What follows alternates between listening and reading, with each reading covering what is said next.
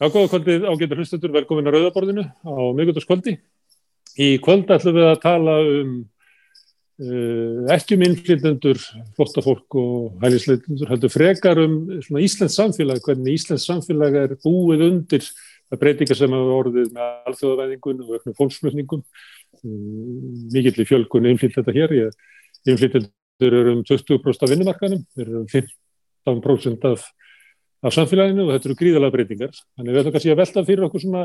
frekar því hvernig Íslendingum hefur tekist að, að aðlagast þessum aðstæðum frekar heldur eins og oft er sífælt verið að tala um hvernig þeir innflytjendur sem hinga að koma, hvernig þeir aðlagast íslensku samfélagi. Þetta lítur að, að, að krefjast þess að samfélagi sem endur meti margt og skoði, endur skoði margt og við ætlum svona reyna að ræða aðeins saman um þetta í svona eina kennstustund og aðtók hvort við fáum svona skýrari mynd af, af stöðunni. Til að hjálpa mér við þetta er komið hinga góður hópur af, af góður fólki. Það er Guðrún Margret Guðmundsdóttir, hún er mannfræðingur og er nýttekið til starfa hjá Alþjóðsambandinu. Margret Valdimarsdóttir, hún er félagsfræðingur, mentuð frá bandaríkjunum, hún er komið hingað rauðaborðið og rættið okkur um, um ástandið í bandaríkjónum. Ólafur Páll Jónsson, hann er hinsbyggingur á mentasviði háskólans. Hann hefur líka komið hingað og sömulegis Borgar Magnarsson tónlistamæður og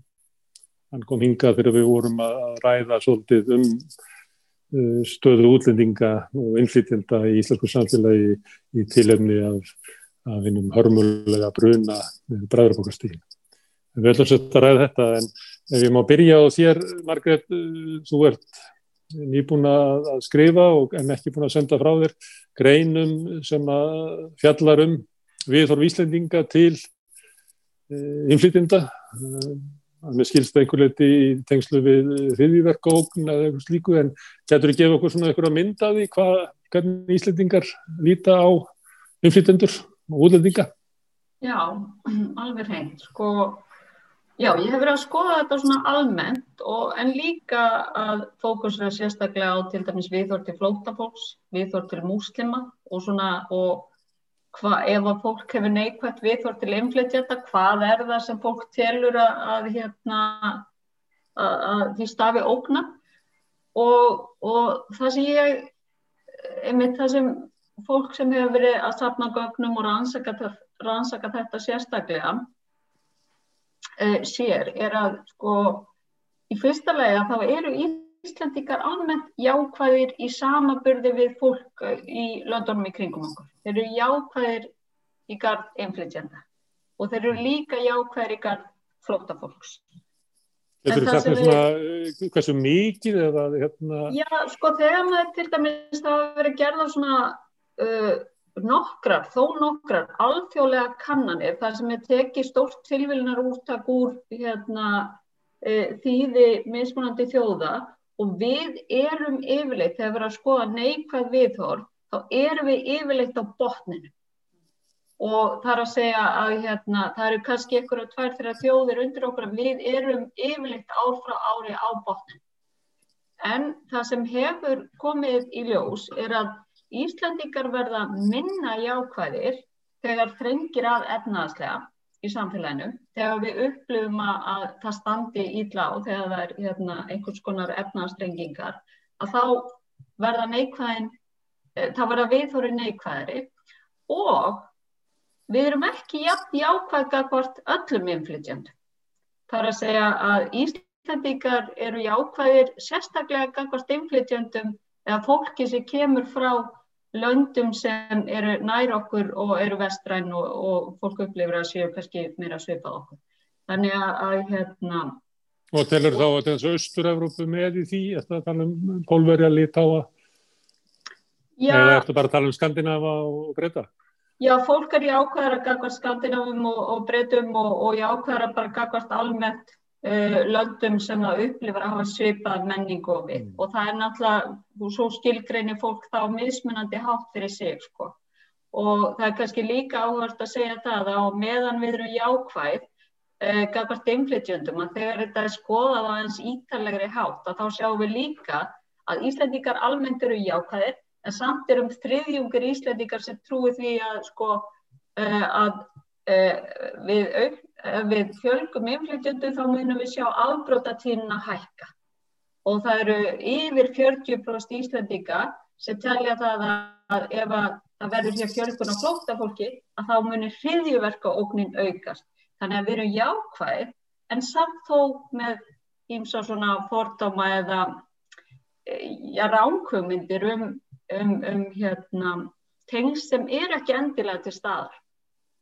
Það mætti orða þannig að við erum jákvæð, þá ertu fyrstur að tala um kannski tvo þriðju hluta þjóðarinnar,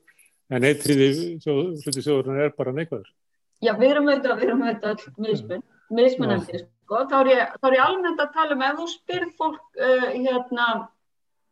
til dæmis hvort að sé, uh, vilja hafa, uh, sé hérna hvaða skoðun það hafa því að innflytjandur sé þeirra næsti nágranni að þá eru fær, fáir á Íslandi sem segjast verið á mótið því. Og, og, hérna, og flesti segjast vilja væri tilbúinir að ráða innflytjandur í vinnu. En þegar það er spurt um til dæmis tilur að afbrotatíðinni aukist við aukifjölda innflytjanda, að þá er þarna þriðjungur sem segir já. Hmm. En spyrðu um það, myndur þú vilja að maðurinn í næstu íbúð væri muslimi eða svartur maður? Er þetta spurt svoleiðis? Já, það er líka spurt svoleiðis og eins og í öðru vestrænu löndum að það eru færri sem vilja, hérna, sem eru jákværingar muslima heldur en innflytjanda almennt á Íslandi. Mm. Hver er munurinn? Hver er munurinn? Ha, hann er alveg, ég, svona í síðustu stóri konin sem var gerð, þá var hann töluverður. Mm. Við erum að tala um að kannski 10%, yfir 10% sögust ekki vilja múslima sem nágranna sinna meðan þetta voru kannski 3% sem sögust ekki vilja inflytjenda sem nágranna sinna. Þannig þetta er stór munur að mínum að. Þannig að þú dast aðeins út á mér allavega? Dast ég út? Já, í smá stund. Það eru til endur, þetta er að síðasta alveg, síðasta setninguna. Já, ég saði að hérna, ég saði að sko það sem við erum að sjá í þessu síðustu konunum, þessu stóru konun sem hafa gerðar er að kannski 11% íslendinga segjast ekki vilja muslima sem nágranna sinn á meðan að það eru um 3% sem segjast ekki vilja inflytjenda sem nágranna sinn. Og þetta er töluvörðu munur. Já, en eða saka þessu þá er hérna standa Íslandika sér vel á þessum mælikverða. Það, það kannski geta ætlast til þess að miða við allan þann andrúður sem er í heiminum og í, í fréttum og bíómyndum og bara e, vitundariðinaðinum gegn muslimum að séu þó ekki fleiri en 11% sem að, að, að svara svona. Já, alveg reynd. Alveg, alveg reynd sko. Þetta er lágt hlutfall svona í alþjóðlegu samanbyrði. Guðrún Margret, þú hérna ég veit ekki, þú veit, eh, við hafum byrjuð í starfi hjá Alþjóðsambandinu þannig að ég ætlum kannski ekki að byrja að svara fyrir hann þess á engan hátt, en það er eitt sem að hérna, að því að fjölgun útlendinga og síðustu árum hefur tengd svona ákveðinu gullæði í, í uppbygging fyrirtækja upp um allar koppagrundir þar sem er kert áfram á, á láluna fólki og stundum hefur maður það svona tilfinningunni að það sé svona stemming við það, ekki með allra íslendinga, þetta er í einhverjum hópum að það sé svona í lægi að, að hvað það segja, svona svindla á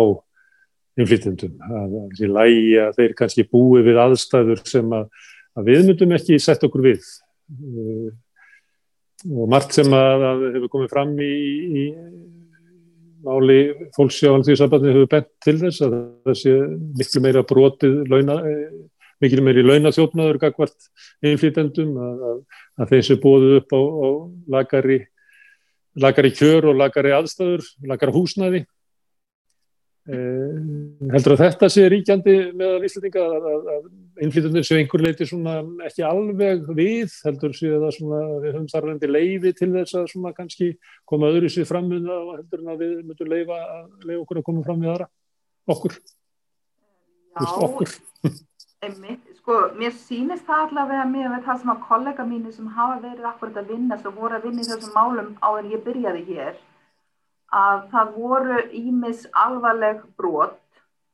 og þau hafa verið sagt, bara með, uh, eins og eitt kollegi minn, hún er búin að vera í vinnustöða eftirliti að í raun og veru svona bösta uh, einmitt svona atvinnureikendur og, og hérna fyrir bara að, að bjóða fólki upp á bara ósæmileg kjör og, og svona einhvern veginn þurft að rannsaka þessi mál sérstaklega. Hingað eru ringt inn ábendingum ef fólk finnst eitthvað stað pottu brotinn og, og mér sýnist það já, ég menna þetta er ekki þetta alhafum þá, ég hef ekki tölur til að bakka mig upp en já, það hefur verið örlað á því að á svona góðarist tímum þegar fyrirtæki einhvern veginn spretta upp uh, í byggingariðinaði og ekki síst í hérna hótelbransanum eða þið viti svona ferðamannaðinaðinum og þeim afleitu störfum að þá hefur borðið á þessu og þau tala um vinnumannsal, það eru bara hægt að það er alveg hafa komið upp þó nokkur slík mál þar sem fólk er bara hreinlega sko skikkað í vinnu og nýtur ekki þeirra kjara sem að, sem að þeim ber. Svo leiðis að hérna alþjóðsambandi hefur virsulega verið að vinna og taka mjög harkala á þessu. En það sem er að gerast núna kannski með að, að gefa ráðin og, og, uh, önnur, og kona sem að er að sérhafa sig sem tólkur og þýðandi að nú ætlar alþjóðsambandið að bæta þjónustuna enn frekar og stjættafélagin sem sagt að hérna í raun og veru er komið svona kannski á þetta næsta skref að, að, að skoða hlutina bara svona aðeins í víðara samengi og, og vonandi auka þjónustuna eh, sagt, og, og aðstof á stjættafélagin til þess ef við þurfa svoleiðis aðstof svoleiðis að já, mér sýnir þetta að vera einmitt sko bara mjög jákvæmt skrefið mitt og maður sér þetta víða í verkefliðssefingunni, ég menna ebling fer fram með mjög gott forbæmi til vitið, eh, búin að þú veist, þú fer hérna á eblingu þá er framlýni fólki þar sem tekur á móti fólkin sem talar bara öll tungumál. Uh, þú uh, ferð og, og hérna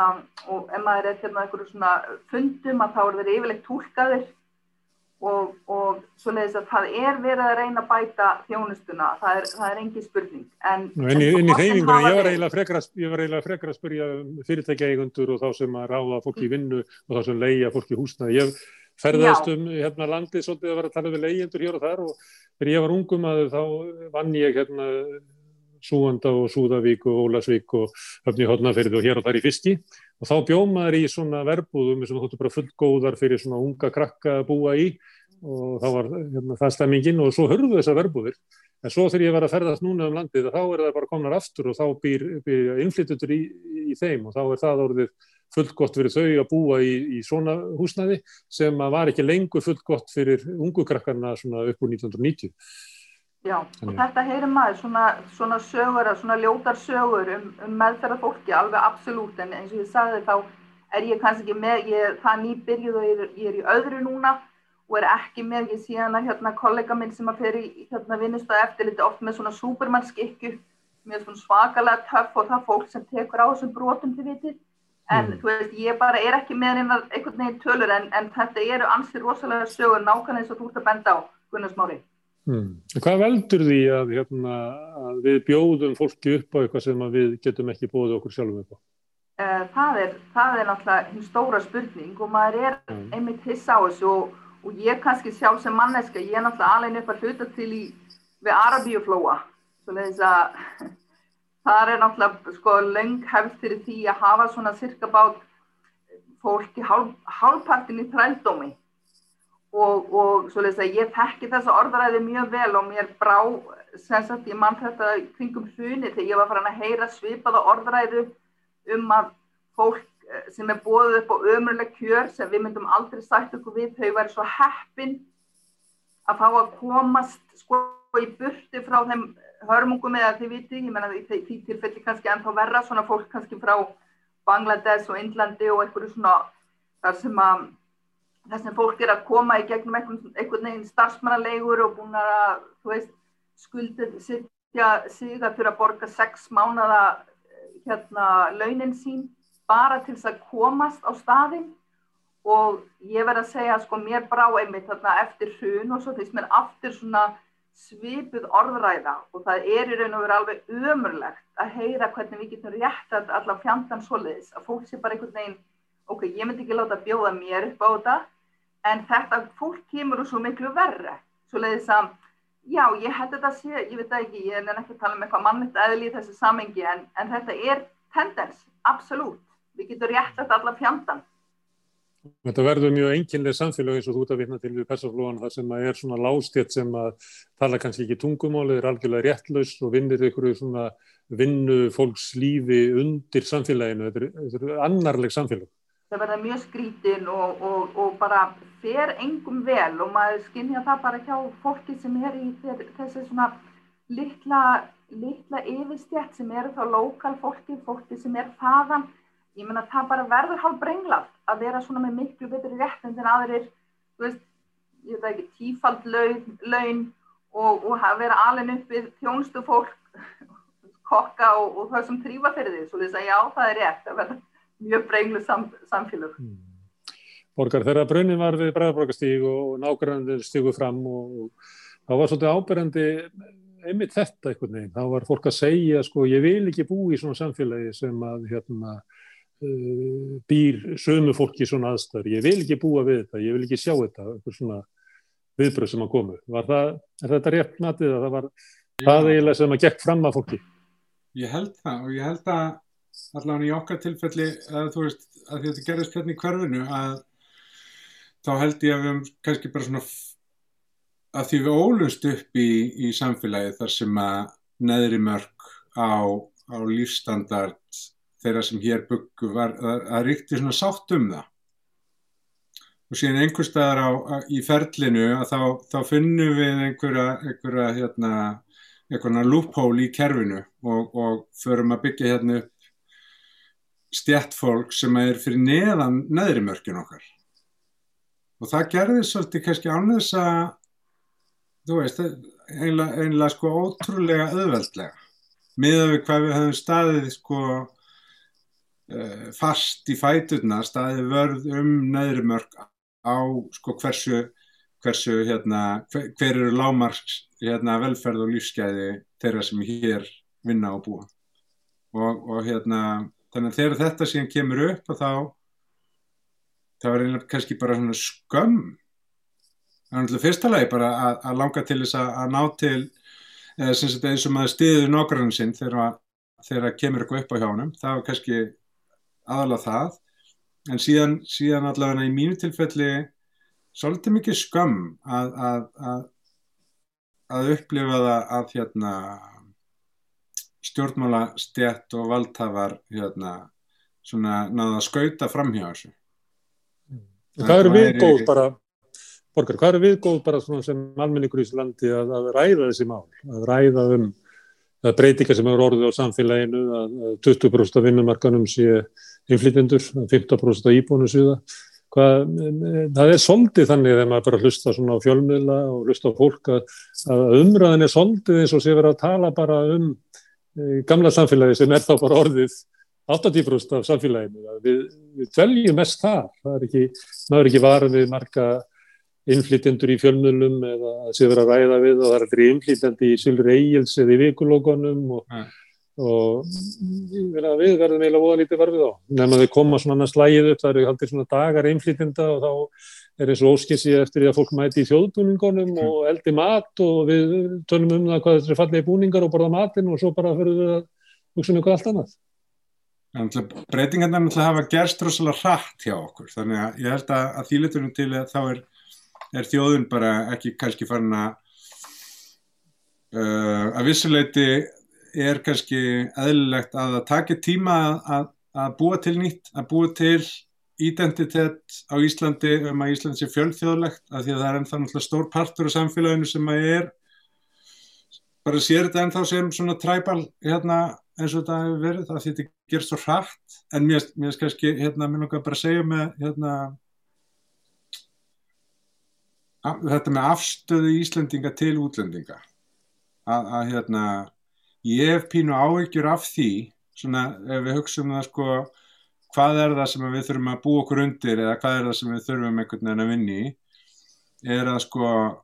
ánægju vok Íslendinga er rosalega óraunsæ. Ánægju vok sko þessar aldar við erum með Káranhjúka við erum með ESB og eitthvað svona bankabólu og síðan erum við með túristabólu. Þannig í þannig við erum rosa ánægð og, og, og þar leðandi jákvæði garð bara allara í kringum okkur. Af því að við sjá okkar identitet er svolítið tengt við að við eigum alla peningar í heiminum og við getum sóaðum eins og okkur sínist og það er rosa gaman hjá okkur. En, en hver bóla endist bara í smá stund? Þannig að ég hef áhugjur að því að útlendinga andu getur risið bara ægilega hratt. Af því að, þú veist að segja sko þeirra hérna efnahagsmálinn vestna þá ekst anduðin ég veit ekki hvaða bólu við ætlum að hafa næst. Þú veist, ég held að við séum að fara að gangi gegnum skeið þar sem við þurfum að að fullurna svolítið og bæta hakkjörfið og gera floknar eða sem sagt marg þættara og kannski skúltur þá er svolítið heldur um að, að þú veist jákvæðinni og ánægivógins hangi svolítið á einhverjum svona óraunsægum hugmyndum um hversu sko frábær við séum og, og hversu rík við, eða sem sagt hvað við erum einhvern veginn arðskapandi og, og, og flott sko Við sækjum sjálfsmynd okkar í þetta og í gegnum eina bóluna og næstu bólu og næstu bólu og svo þegar þetta fellur að þá kannski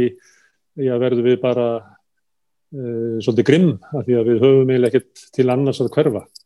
Ekki svona ég, gildi sem við getum trist á. Ég, ég, held, ég held það allavega sko að það sé, sé hérna mikilvægt að Um, spá í það þessa, þessa hérna, lélögu sjálfsmynd okkar hvað var þar fyrir okkar önveruleg staða er í, í efnahag heimsins svona ef við tökum bólunar allar í burtu að það sé mikilvægt að hérna, vakna svolítið til vitundar um það mm. Óláf Fál, þessar miklu breytingar á samfélaginu hvernig hérna og þetta eru náttúrulega gríðarlega breytingar, bara maður getur talað um í svona hlutvöllum en maður getur líka uh, búið til eitthvað svona dæmi, ímyndað sér hérna, fiskverkakonu sem að reyða sig í hérna Hábjörg Granda eða sem að hér kannski fær út gerð Reykjavíkur 1980 og var að vinna þar og, fór í kaffetímanna og þar voru íslenskar konur og svo tók hún strætó upp í Breiðolt og í flokkina sína og, og þar voru vinkonur hennar sem hafðu líka flutt úr sveitinni fyrir á öldinni í öllum íbúðum og en núna situr hún í, í HB Granda og í kaffetímanum og þar er kannski pólski hópurinn er orðið miklu starri og filipísku konunar starri og það eru alltaf megin íslensk konar sem að vinna með henni. Og hún fer upp í eh, strætófinn og hér upp í Breiðolt og, og þar eru alls konar fólk sem býr í stegagangnum og svona verðin sem að hún svona gekk inn í þegar hún var að fullornast, hún er eiginlega horfin, þannig að En ég nefni það svona dæmi um breytingar sem að, að, að ég held að við sem heldur aldrei að ræða þetta, heldur neitt sérstaklega, sko, um þær breytingar sem að getur orðið á lífi fólks. Og, og það er ekki kannski sem er að hjálpa konunni að setja orð á þær breytingar sem hún er að upplifa. Já, já, þetta er náttúrulega orðin næstu mikla breytingar og, og það er kannski svolítið gaglegt einmitt að lýsa þessu svona, kannski taka sjónarhorn innan úr, innan úr samfélaginu, við erum kannski þegar við tölum um þessar miklu breytingar þá tölum við oftar í einhvern tölum og meðaltölum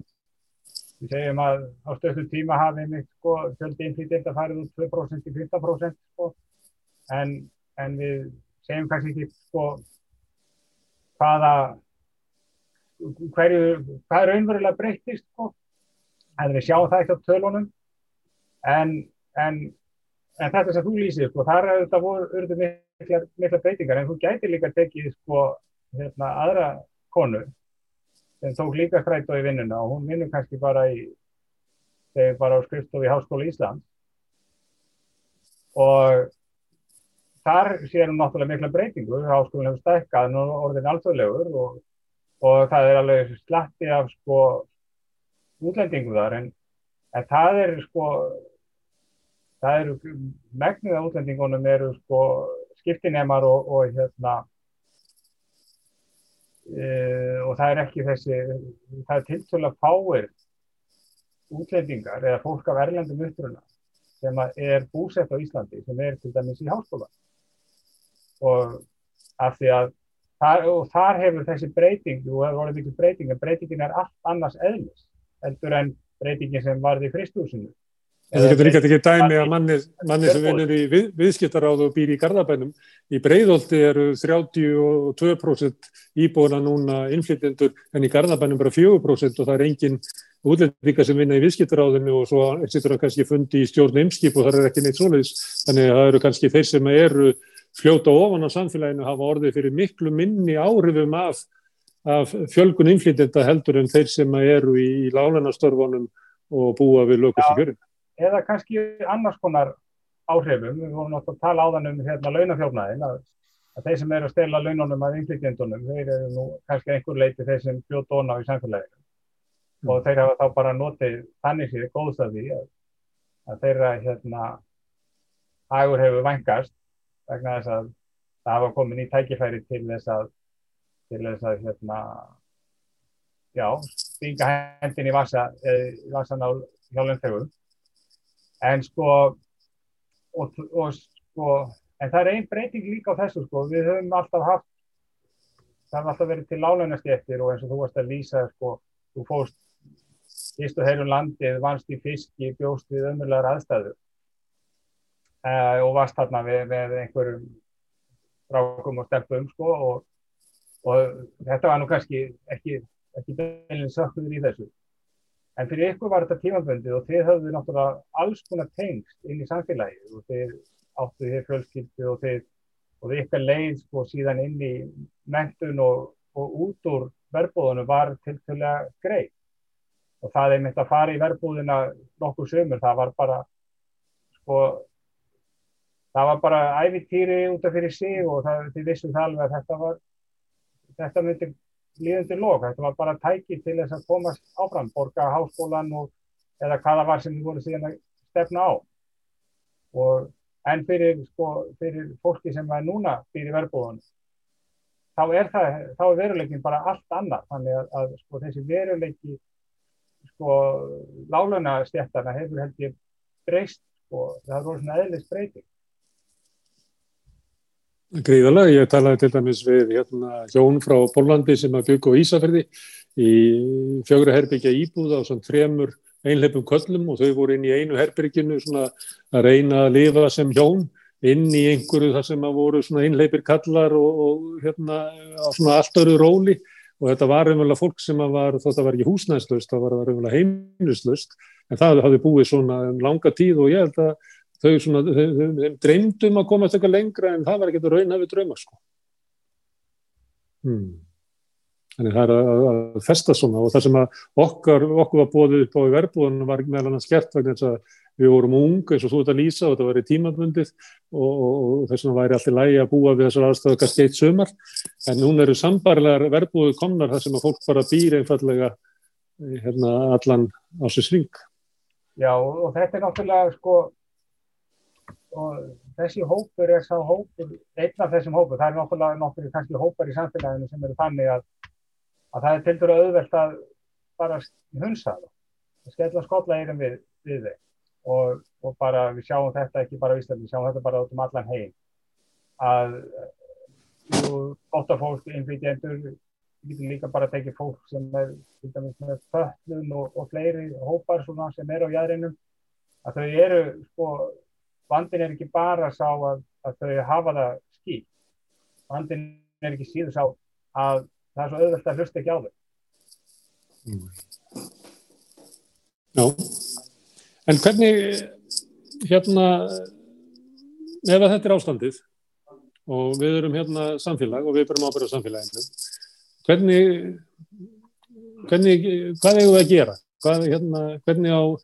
að því að kröfunar er svo oft mikið á því að sko innflytjunur eigi aðlægast. Hvernig á Ísland að aðlægast eh, breyttum tíma? Við að, þurfum við að fara í gegnum sögun okkar, þurfum við að gegnum hugmyndinum okkar, þurfum við að fara í gegnum hugmyndinum um sjóðríki, um það hvers konar samfélag þetta er, hvort þessi samfélag þeirra sem eru íslendingar eða er þetta samfélag þeirra sem er búa hérna.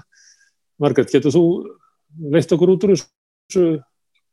ástandi þar sem að er svona og við svona bara horfast í augu við það eins og er tekið hér upp, það er mjög ílla farið með fólk og meðal annars vegna þess að hlustar ekki það mm. og eins og borgar vittnað á að, að þegar að já, venjulegt fólk uh, verður varfita í, í, í nærumhverju sínu, þá er það, er ótrúlega sátt að það sé afhjúpað hvað við búum raunverulega í íllu samfélagi. Já, einmitt og ég held að mun alveg halda áfram að afhjúpast að hérna og einmitt ég talaði um í áðan í upphafi að svona almennt íslætika varu í ákvæðir og allt það. En, en hérna við erum einmitt bara á einhvers konar, við erum að byrja að tala um þetta og þetta mun breytast, við erum ekki alveg, finnst mér stundum við eigum ekki hugtök eða orð yfir það sem við erum einhvern veginn að upplifa og reyna að segja. Ég held við séum bara að byrja og, og hérna á sama tíma og fólk segir í könnunum að það sé mjög jákvæmt og þá erum við þetta að heyra af, af hérna að það sé verið að brjóta á réttindum innflytjanda og, og við erum ekki að sjá innflytjandur í uh, fjölmjölum. Það er alveg eins og þú tókst uh, sem dæmi í upphafi, þeir eru ekki hluti af okkur samfélagi þannig og hérna Þannig að við verðum einhvern veginn að bara skoða okkur en það sem ég vona hins vegar sko að gerist ekki hérna, þetta verði eitthvað svona poplísku að, að, að, að eitthvað stjórnmála fara að taka þetta upp að því sem hefur gerst í Evrópu og einhvern veginn að keira þetta áfram að því að þegar við erum viðkvæm þá þarf svo oft lítið til að fara að halda að að það séu inflytjendur eða flóttafólk sem séu einhvern veginn ógni okkar starfsöryggi eða okkar öryggi á einhvern veginn hátt. Þannig að sko bara, mynd, halda samtalenu áfram og reyna að þróskast í takt við tíman sko. En ég var að hugsa sko, þegar það er svona ástand að við óttust að það sprettu upp einhver útlætikandus og geti haft áhrif á, á samfélag okkar. Og þá getur það litið þess að við verðum svona smeg að ræða hérna málefni útlendinga. Ég, ég eh, er stundum að leika ja. mér að þessu á Facebook að kasta svona fram og ég hef þetta haldið fram að, að það verði ekki helbriðt samfélag hérna fyrir að útlendingar og inflytundur fái kostningarétt. Það bara gengur ekki helmingurinn af verkalýstjættinni hafi ekki kostningarétt. Ef við myndum segja það við verkalýs sinna 1950 og það var í staðan 2020 að helmingur lánana fólks fengi ekki að kjósa, að, að fólk myndi bara ekki trú okkur. Uh, í morgun pröfa ég að segja það ef að ef innflytjandir eru 20% af vinnumarkanum þá borga þeir e, útvarskjald sem er nefnir 900 miljónum. Hvaða þjónustu fær, fá þeir frá ríkisútvarpinu, þetta fólk? Ekki neitt, það fyrir bara í því að búa til e, menninguna fyrir okkur 80% sem er svona gamla menningin okkar sem við viljum lifa innan. Þannig að það er svona rip-off ekki bara hjá þeim sem eru með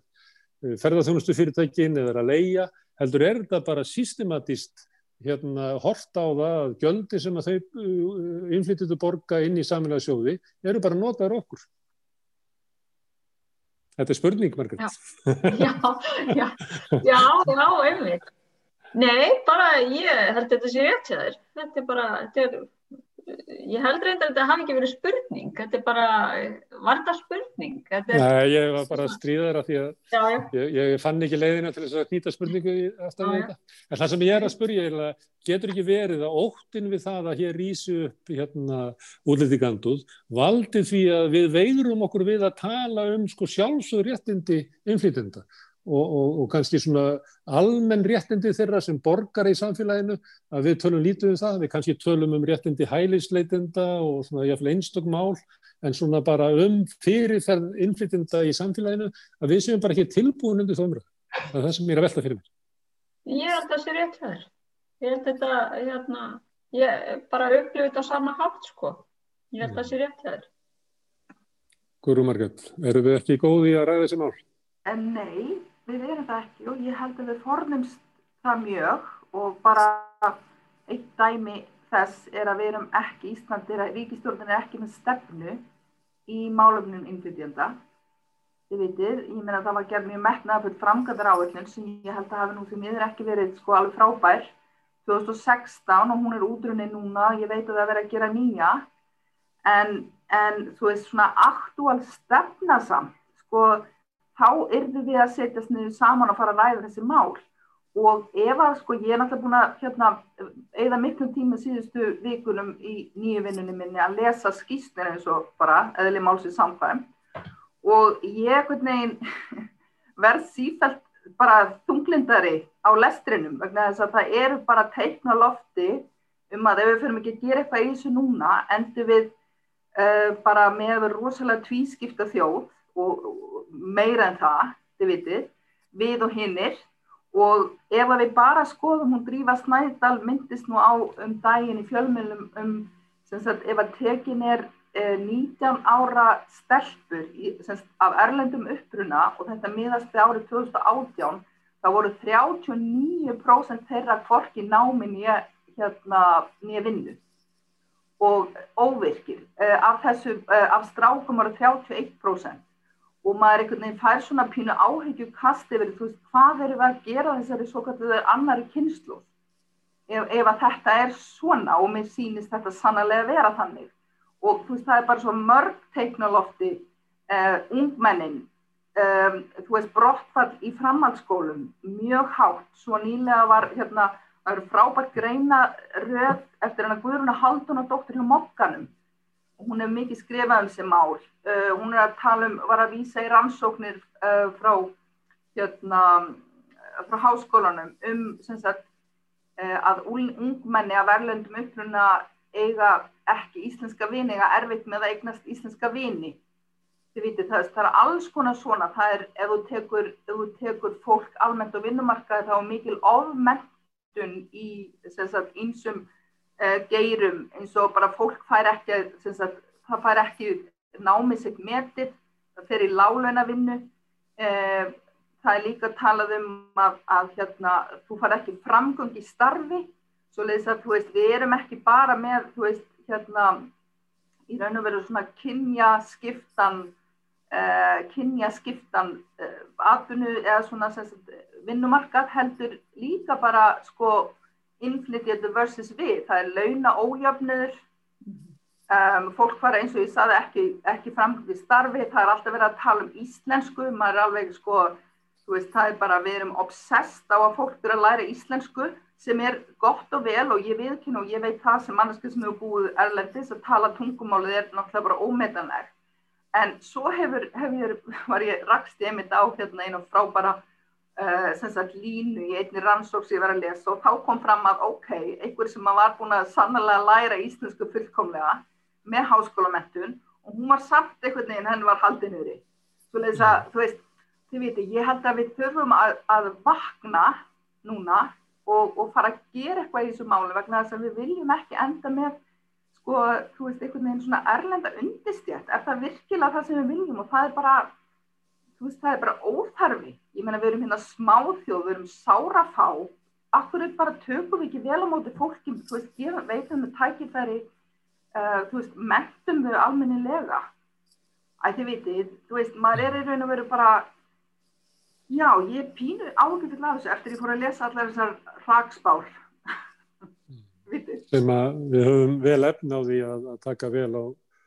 Já innflytjendu vegna þess að það að fá einn fullorði fólk hér inn eh, án þess að bera kostnaðin af, af barnauppeldi og mentu þeirra og öru slíku að, að þá erum við kannski að spara, ég var svona að reyna alltaf með þessu, ég myndi halda að vera svona 120 miljónir á mann. Þannig að við höfum alveg sko nógan pening til þess að hjálpa fólki eh, til þess að komast inn í samfélagið og hvað sem að þarf, það má alveg fjárfesta í því að auðvelda innflytjendum að verða fullgildir borgarar. Það, hérna, Já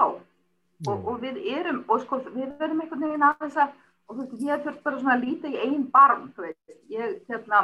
ég meina, ég bý í fjölþjóðlegu samfélagi og ég á, jú, ég auðvitað á ég mikið af, af hérna, arabiskum vinnum að því ég var að vinna hérna mikið með, með sílendingum og írökum, en ég á sára að fáa aðra vinnu og ég man, ég var einmitt að revja upp að ég og frábara eh, vinkonu, hérna, af erlendum uppruna og ég bauð henn ekki partí að því að ég nefndi ekki að partíð færi allt fram á ennsku, þið vitið, þetta er svona típis svona, ekki fordómar en bara svona leti, mm. þið vitið, þú veist, einhvern veginn ekki að vilja gefa smá, að þið vitið, ég bara að dæma sjálfur mér, ég vissum að, þú veist, við höfum öll einhvern veginn svona sög að segja. Og þú veist, við verðum í raun og veru, sko, aðeins að rakka við okkur. Þetta er ekki veist, 15% landsmanna, þetta er bara tölversta fólki. Mm. Þetta er bara starra heldur en, en hérna Vafki og samfélgingin og píratar. Já. Þetta er svolítið súpur. Þetta er eins og maður myndi aldrei tala við pírata, aldrei bjóða pírati í mat. Það er til fólk sem býður aldrei pírati í mat, ég segi það ekki. það getur vel verið. Herðu Borgar, ég er aðeins að velta fyrir mig með þetta að, hérna, að við að, að hættan við að umræðunar fari, að, maður póstar eitthvað staður eða segir eitthvað og maður er svolítið hrættur um að fá yfir sig eitthvað svona útlendinga andúðar hérna, fólk sem að snýr samtæninu strax um útkverfin í Svíþjóðu eitthvað svo leiðis. Þannig að maður svona, er svona innri rítskoðun um að maður eiginlega leggur ekki í það að ræða þessi mál. Þetta, að marga þjóðir hafa svona mál, það þýðir ekkert að tala um fóstureyðingar í bandaríkjónum, það er bara við getum sprengt kvöldurabóð með því. Getur verið að, að, að umræðum útlendingamál sé einhvern veginn þannig fyrir okkur að, hérna, að þess ekki komin hefðin til þess að ræðum þetta við einhvern veginn kunnum þetta ekki eða getum ekki eða þetta sé þegar orðið svo hatramt að það sé bara erfitt að halda upp í vitræðinu umræðum Ég held að hérna, við erum bara að byrja. Og eins og Margret sagði við, við erum bara að byrja að móta tungumálið. Og, og tungumálið er göldrótt. Þannig að sko tungumál hérna gamla Íslands þegar það kemur inn að þá er það svona eins og dauðahand yfir vitrætni umræðu af því að, af því að sko í orðunum sem við notum er einhverju galdrar. Og, og við erum bara en, en eins og við erum búin að vera að tala um að, að veist, þetta eru 15% þjóðarinnar þannig að það er ekki option fyrir okkur hvort við ætlum að gefa þeim réttundið ekki. Veist, það er bara það sem að býður okkar er þá ég menn þið þekkja ábyggilega söguna betur ég en hefur einhver tíman einhver fengið atkvæðisrétt á hans að berjast fyrir hann hefur einhver tíman einhver gefið frá sér völd til þeirra sem eru fyrir neðan sig annað þess að það hefur þurft að berjast fyrir því. Þú veist, það er, já, viðbúið að það séu, en ég menn við erum bara búið okkur undir það, kostningar eftir útlendinga á eftir að vera áttakamál, og, og, en við getum ekki ekki gert það, þannig að það bara býður okkar. En ég myndi vilja segja með sko hatram, hatramar umræður, að þá er, er hérna, það er eitthvað svona uh, uh, skítæla býjast í hvernig algoritmanni virka á samfélagsmiðlum þar sem allir þræðir um allt polariserast uh, á, á svipstundu og eftir það er fólk bara farið að kalla fólk, hvort annað sko íllum nöfnum. Og það er bara eðli miðilsins og það hefur verið rannsakað að það er bara leiðind að bæjast í hvernig sko þetta er hvernig, hvernig sko samfélagsmiðla funkara og mín reynsla er svo að hérna, ég tók sex vikur án internets og það er ótrúlega sko miklu uh, viðsýtna og skemmtilegra fólkið sem að maður hittir í raunheimum heldur en sko uh, að því að ef þú ert á netinu og núna erum við náttúrulega í COVID erum við svo mikið á netinu mm. og þá erum við alltaf að verða vittni að einhverjum samfélagssamræðu þráðum þar sem maður er búið að polarisera og menn bara öskra hverju annan hverju sínu hotninu og sakamennum að vera að fá þetta og síðan er náttúrulega sko sama uh, þetta er svona eins og hérna echo chamber þar sem að fjölmiðlar síðan sko segja okkur frá því eins og það séu fréttinar þannig ég held að það sé ekkert jafn hatramt í raunheimum eins og sko netið einhvern veginn. En á, en á samtíma þurfum við að vera meðvitið um það að það þarf að fara fram umræða mikið og markvist í á öllum sviðum. Mm. En ég minna að það, það er náttúrulega býð okkar átök þú veist, bara eins og baráttan gegn því að, að örugar fengja kjósa, þú veist, það átti alltaf að fara á hliðin að þeir fengja kjósa og, og, og sama þegar konur vildi fá að kjósa, það átti bara samfélagi myndi líðast í sundur ef að konur kísu þannig að mér grunar að það sama gerist núna. Já. en baráttan er ekki optional, þú veist, það er ekki optional hvort að útlendingar fái, hvort að 20% samfélagsins fái síðan með kostningarætti eða ekki. Þú veist, baráttan er að koma til okkar. En ef það er þannig að innflytjendur er svona stór hluti af samfélaginu og við reiknum kannski með því að ég hinga haldi áfram að koma innflytjendur. Innflytjendur hafa náttúrulega breytt Íslandi til dæmis var uggur um það svona í lók síðustu aldar að það veru ofátt fólk á vinnu aldri 25-65 ára til að vinna fyrir hinum sem voru börn og gamlir og við myndum eldast og það veri bara ofátt slikt fólk. Núna er staðan svo að þessi aldursamsetning er þannig að við erum eiginlega betur sett en við vorum 1960. Þannig að, að, að það er ótrúlegt svona afl sem að innflytjunir hafi, hafa, hafa komið með en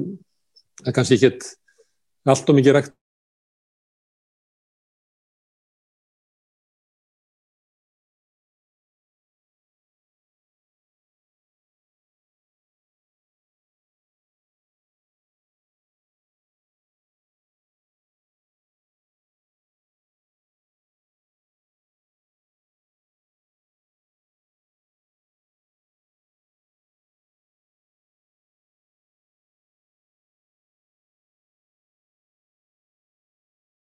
ekki á því að, að, að þjóðríkið okkar hérna, geti gleift innflytundunar inn og látið þá til er að þjóðríkinu? Og ég held að sko, jú, hugmyndin um, um svona þjóð er náttúrulega rosalega kannski rótgróin bæði hjá okkur og mjög víða og ég held að við getum kannski alveg hugsað um Ísland sem, sem þjóð sko en þá þurfum við líka bara eins að spá í sko hvað, hvað meinum við með því að við séum þjóð Meina, það eru fullt af þjóðum spannverjar eru þjóð segja, og það er samt sko mjög sundurleitt og þar eru töluð sko fjögur eða fimm tungumál og og það er mikil munur frá því hvort þú er sko, einu svæði eða öðru og svo framvegið sko. Spánverðar er reyndar ekki allir alveg sammála við, það er sumi sem að vilja ekki til þessari uh, spönsku þjóð og segja þessu katalónar og vilja yfirgefa. Já, já, sem er vilja yfirgefa en sko, en það sem er ekki til, stendur ekki til bóða held ég, er að, er að fara í einhverja sko gamla mýtu sem að var kannski aldrei tilnæma í Íslandsögu bókunum frá Jónasir frá Hriblu sko, um einhverja íslenska þjóð sem að er eitthvað svo frábær sko og sé, getur bara einhvern veginn verið til um aldur og æfi sko fólk sem að lifi saman deili saman einhverju svæði allar að, allar að svona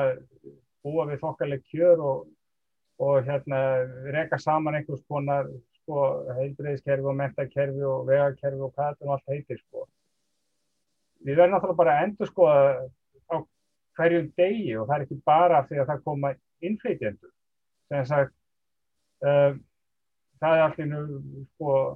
það kom alls konar það er bara alls konar fólk og það er með alls konar uppvinna og það eru það eru alls konar teknikrættar og það eru tónlistamenn og svo eru homar og lesbíur og, og svo eru kynsein fólk og,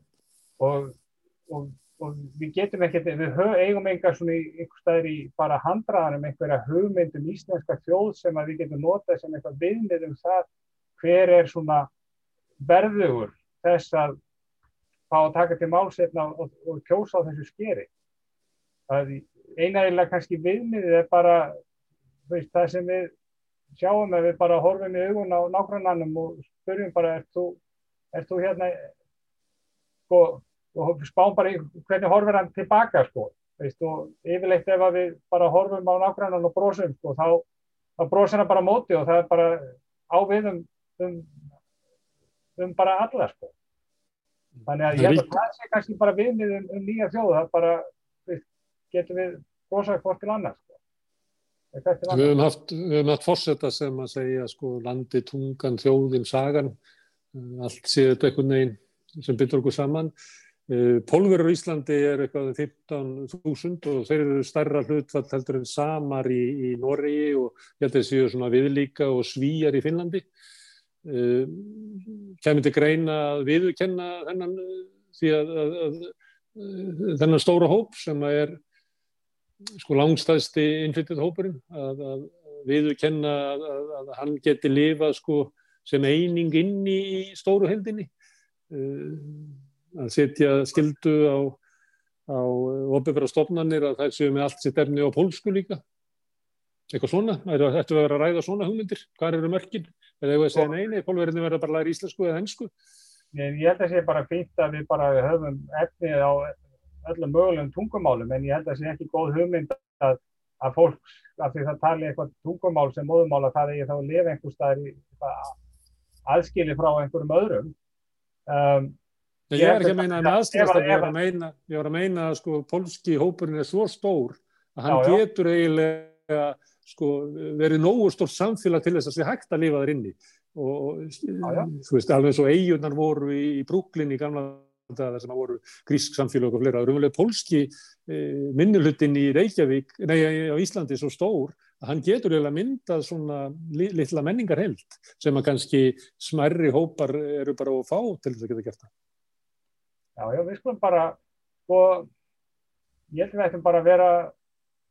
sko ef, ef, ef að hérna svona einhver líðræðislega gildi fá að,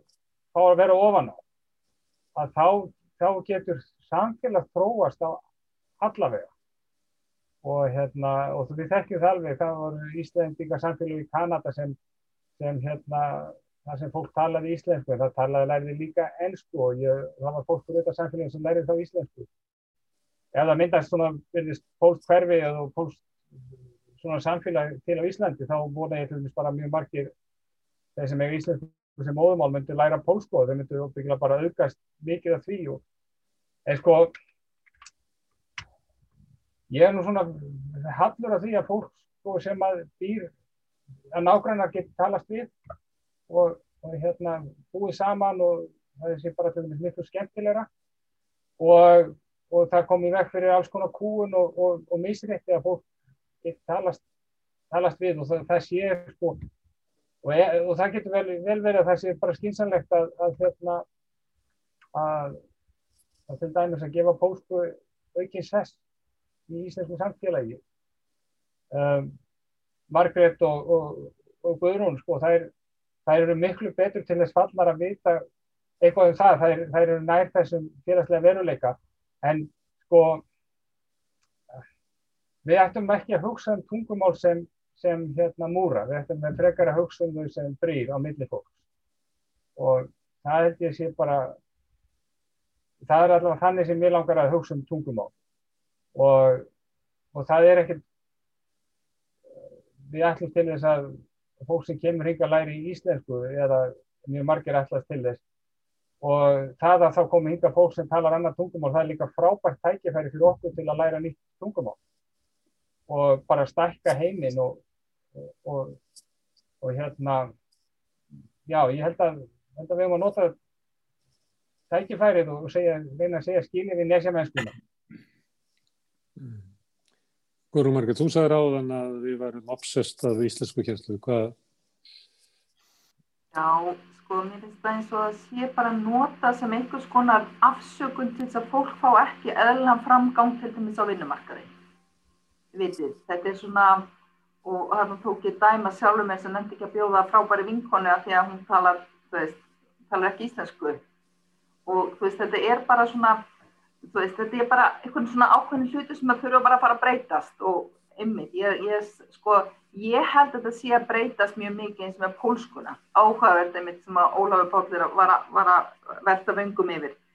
Um, sko mér finnst það að vera að gerast allstæður en ég er náttúrulega komin í búalega svona mikla búblu sem að allir er að pæli þessum hlutum og það eru náttúrulega líka sko með tungumál og það er bara komin svo stórkvæmslega tækni breytingar að þetta tækni getur hjálpað okkur svo vel. Og alls konar svona þýðingaforrið og, og mér finnst bara þú veist bara absolutt verður við náttúrulega að koma upplýsingu til við til nöðsynlegum upplýsingu til fólk sem að hérna sem talar ekki íslensku, við verðum bara að gera það. En ég er svona, ég var að í svona pína gaggrina þetta með íslenskuna en, en þó ekki alveg. Auðvitað finnst mér að fólk ekki hafa tækifæri til að læra íslensku og, og það að tala íslensku kemur þeir inn í samfélagið. En mér finnst það svona, mér, mér fara að gruna að sé pínu afsökun, sérstaklega þegar ég sé að þeir sem vissulega tala fína íslensku, það verðist bara ekki alveg vera nóg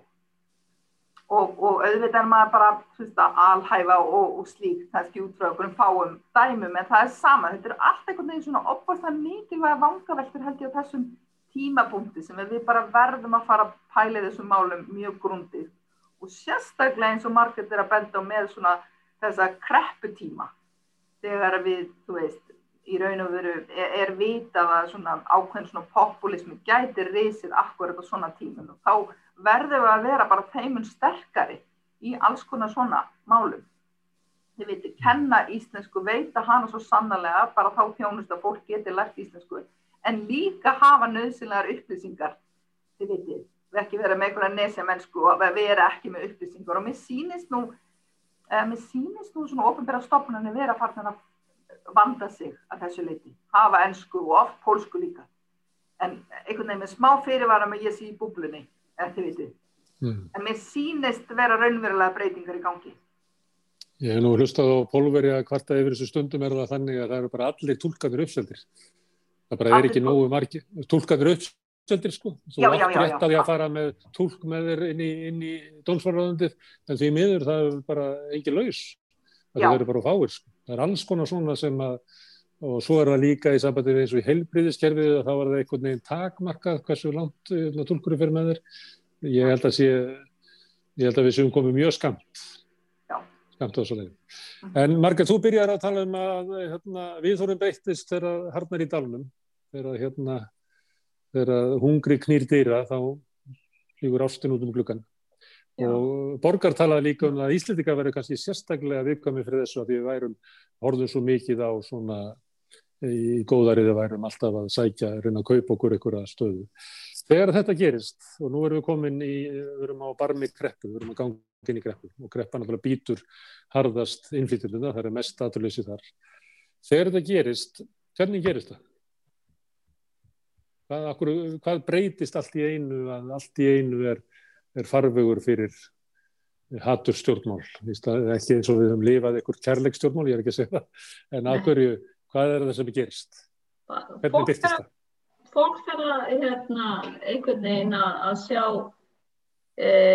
fó, þetta er náttúrulega fordómar sem eru til staðar í okkur. Þeir eru ekki að verða til á krepputímum. Það er algjörlega skýrt. En við getum haft eitthvað umburðalindi ef við höldum að Íslands tjóðfélag sé að hagnast á pólskum verkamannum. Þá getum við, já, einmitt, við erum að fá hérna meira í okkar vasa og þá erum við sátt á meðan. En ef við höldum og ég segi við að þetta er við. Ef við höldum að, að hérna, það sé bara verða þannig að við séum að fara að hérna, slástum einhver störf og að, að, að það muni kosta mig sem skattgreðanda eh, einhvern smá peninga að auka fjölda flótafólk sem við tökum á móti að það þarf of bara svo lítið til. Að því að sko eins og ég bjó í York í mörg ár og, og ég var að einmitt að segja vinum mínum frá íslensku samfélagi að hér var einhvern lítill rasismi og, og allt svo leiðs og þá saði einn, ég þú veist það ekki, þú veist það ekki ennþá af því að efnaðsástandið ykkar er gott og þeir eru bara ofáir ennþá. Þú ert eftir að koma að staði hversu umburðalind og, og hérna litli rasistar þið eru í raun og veru þegar einmitt að hérna fólk vera uh, atvinnuleysi hækkar og að sagt, hérna, fjölda inflytjenda fyrir að aukast aðeins og sérstaklega inflytjenda sem eru kannski ekki á litin eins og við.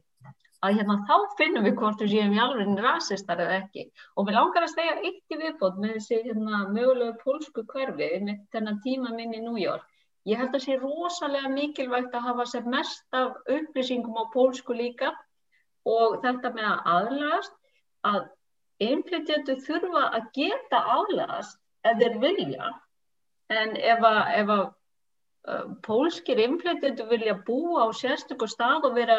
fá hérna, félagskap á hverju öðrum og mynda hér ákveðið samfélag innan okkar samfélag, þá held ég að það sé frábært ef þeir hafa líka möguleikan á að aðlast, það, það geti bara verið frábært að geta farið inn í pólst hverfi og verið í pólskar verslanir og þetta, það, það þarf ekki að vera neikvægt að það séu til samfélag innan annara samfélag. Þá verður oft minni kvati til þess að læra íslensku. Ef ég bjóti dæmi um íslenska fiskvistlukonu áðan en við getum búið dæmi um pólskan byggingaverkamann sem vinnur við byggingar þar sem er meira og meina tölu pólska og verkstjórun er líka pólskur. Það er orðið þannig. Núna áður fyrir, fyrir tíu áruð þá voru verkstjórunir íslenskir en núna eru verkstjórunir pól, pólskir og svo fer hann upp í heimdi sín og hitti sína pólsku konu og pólsku börn og og þau eru með gerfinnettadisk og horfa pólska sjóarpið og svo fer hann út í búðin í pólsku búðina. Og hver er kvatin að læra íslensku? Einu skipti sem hann er samskiptum íslendinga er hann að tala við skattin eða, eða, eða læknin sem að jáfnveg getur orðið pólsku. Þannig að, að þessi krafa um að verður að læra að, að hún leggst mismunandi á innflytjundinu því að sömur innflytjundinu er umvel að geta að lifa já, bara ágættis svona lífi, félagslífi og menningalífi. Í, í mörgum tilfellum við getur sko, félagslíf innflytjandana verið sko, miklu auður að heldur en meðal Íslendinga til dæmis í, í filipíska samfélagin og fleira sem eru sko, er stort og mikið og öflugt og hefur ríkt félagslíf. Þannig að það er ekki endilega alltaf þessi kvati sem við höldum að sé að aðalægast vegna þess að þeirra samfélag, ef við takjum okkar samfélag og við myndum skoða vinnustæðin okkar og heimilið okkar og vinahópin og búðin okkar, að þá eru við kannski komið með 97% samfélagin sem við lefum í. Þannig að að hvaðin til þess að tengja þessu þrejumapróstum er kannski ekki svo rosalega ríkur þannig að ég vil bara mhm. benda á að það, við lítum ofta á það sem sjálfsagt sko að það sé bara heimst að búa hér á hans að tala íslensku en það kannski fyrir suma þá er það ekkert svo aðkallandi hmm. En hvað segir þið? Það er náttúrulega samt sko hvati það er annar kvati í þessu og það er kvati þess sem er að svindla á, á erlendu vinnuafli og, og græða á því að hann hefur kvata af því að þeir læri ekki tungumáli og hann hefur kvata því að, að, að stjórnvöld integreri þetta ekki af því að við getum grætt meira á þeim meðan þau eru svona jæðarsett og ekki þjónustuð. Mm. Þannig ég held að, ég held að sko ef þú nálgast á þeirri átt að þá er, er sko ef að stjórnveld getur tekið svolítið sko mm, öflugt á, á því úr þeim enda að þá er sko allavegna búið að taka sko kvatan til þess að að, að hérna semst gróða hvatan að því að halda þeim jáðarsettum. Mm. Sem eru dæmum að, að, að, að fólki hafa verið hótað eða verið samband við verkefnisfélagi sitt, verið hótað eða hefur samband við einhvern annan og það er einangrað kannski að vinna í, í ferðarþjónustu ykkur stöðar upp í sveit. Og þau eru, um eru, hafa ekki tungumál og eru ofið jáðarsett til átt að sjá því hvað, hvort að þau geti tala við einhvern um þetta og hvort að þau hafa eitthvað stöðningsnett. Mm. Þannig að við getum við græðum á því að, að hérna, reyna að halda þeim niðri og, og, og kenna þeim ekki tungumál. Veist, það, er, það er mjög veist, öflugur hvati, eða, veist, það er öflug dýnamík í því held ég. Mm. En akkur haldið þið að við horfumst ekki augu við hvað þetta fólk er veikstætt kakvart eh, þeim sem er ræður til vinnu eða leirið húsnæði? Að til dæmis að, að þegar að fyrirtæki fær leifi til þess að, að, að flytja þinga inn og ráða það og það sé ekki sett bara strax í upphafi einhver tenging við verkalýsfélag eða eitthvað sem að ráðferðar í upphafi. Akkur, því það er augljóst og það er margir gengist inn á að misnóta fólk með þessum hætti. Akkur horfust ekki augu við þessa misnótkun alveg eins og í sambandi við sem að bræðarborgastíksbrunnin afhjúpaði og horfust ekki augu við það að það er verið að nýðast á fólki með því að að leia því húsnæði sem stennst ekki brunnavarnir og slíku, akkur horfumst ekki meir í augu við þetta og setjum inn eitthvað svona eftirlit á, á, á fyrri stegum og strax, akkur heldur þessi að því að þetta fólk á ekki fullan rétt eða, eða er réttur hinn til þess að græða á öðrum svo mikill hjá okkur eða það veldur þessu? Það er svolítið stúm en, en sko fólk sem er er í aðeins er það einmitt vegna þess að það er auðvelt að hlusta ekki á það. Og það á við um útlendinga eins og segði, það á við um, um fallað fólk, það við heilnarlaust fólk er náttúrulega mjög útsett fyrir þessu og svo framvegist, þannig að og það eru eins og Borgar var að segja, sko, það eru þessi kvatar til að, til að svína á fólki. Þeir eru til staðar og það er fólk sem er tilbúið til að gera það og við, við sáum nú bara nýlega dæmi um þessi skip, einskipafélagsins sem endur þarna á ströndi í hérna á Einlandi sko, þetta er náttúrulega annars konar tegund af, af hérna af mannsali í rauninni sko. Og hérna en og það er svolítið þægilega fyrir okkur af því að sko vondi endin er langt í burtu. Þó að spotting sé bara ekki beint til okkar og beint inn í lífeyri sjóðun okkar. En þannig að þetta er bara þú veist hérna hvað sagði ekki Vilhelm frá Skáholti hérna við skildum muna mannsins fyrstu gerður að með það príðir eindist príðja flokks. Sko það er svolítið kannski staðreindin og þess vegna þurfum við sagt að hafa fyrir því. Ef við ætlum að verða svona minnst okkurstu annarsflokks og helst fyrsta flokks. Það er bara mikil fyrirhöf og það kostar og það, og það kostar hefði mikil átöknum sem við bara séum á vinnumarkaðinu þar sem að vera er að reyna að, að lifta kjörum fólk sem að býr við bara umurlegar aðstæður og, og hérna og af því við vorum að tala, tala svolítið um þetta með tungumálið og læra íslensku og allt það sko sem ég held að sé þetta almennt bara mjög, mjög gaglegt að tala tungumálið það sem að býr. En, en það er bara heilmikið mál að læra íslensku og sérstaklega að maður er að vinna virk á milli og býr í einhverju herrbyggi, einhverju verbúð einhver staðar með fullt af öðru fólki og það er bara engin sko námsfrið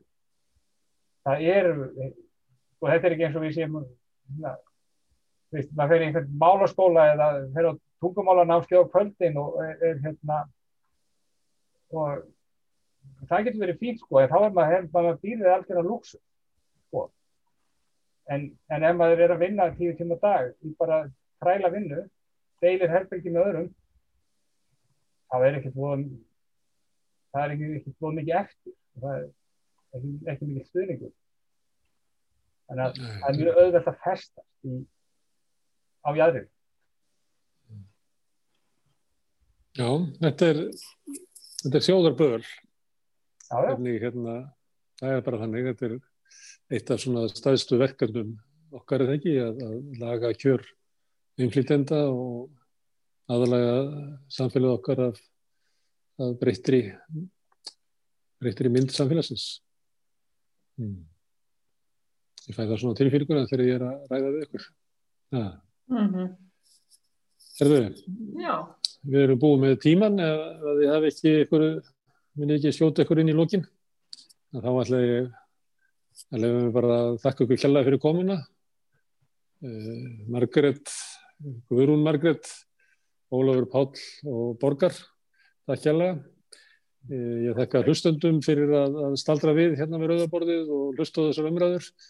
Ég ætla svona að leita ykkur í leið til þess að, að halda þessum umræðum áfram. Ég finnst þetta áhugavert. En á morgun að þá verður eitthvað allt annað á dagskraf við rauðaborðið. Ég held að þá mæti mæta hagfræðingarnar okkar, þjóðhagsfráð rauðaborðsins og mun draga upp línunar um hvers konar kreppu við erum að ganga inn í og kannski ræða um það hvaða leið er úturinni og hvers vegna stjórnvöld eru ekki að, að finna þá leið. En ég þakka ykkur aftur kærlega fyrir í kvöld og, og segi bara takk fyrir í kvöld.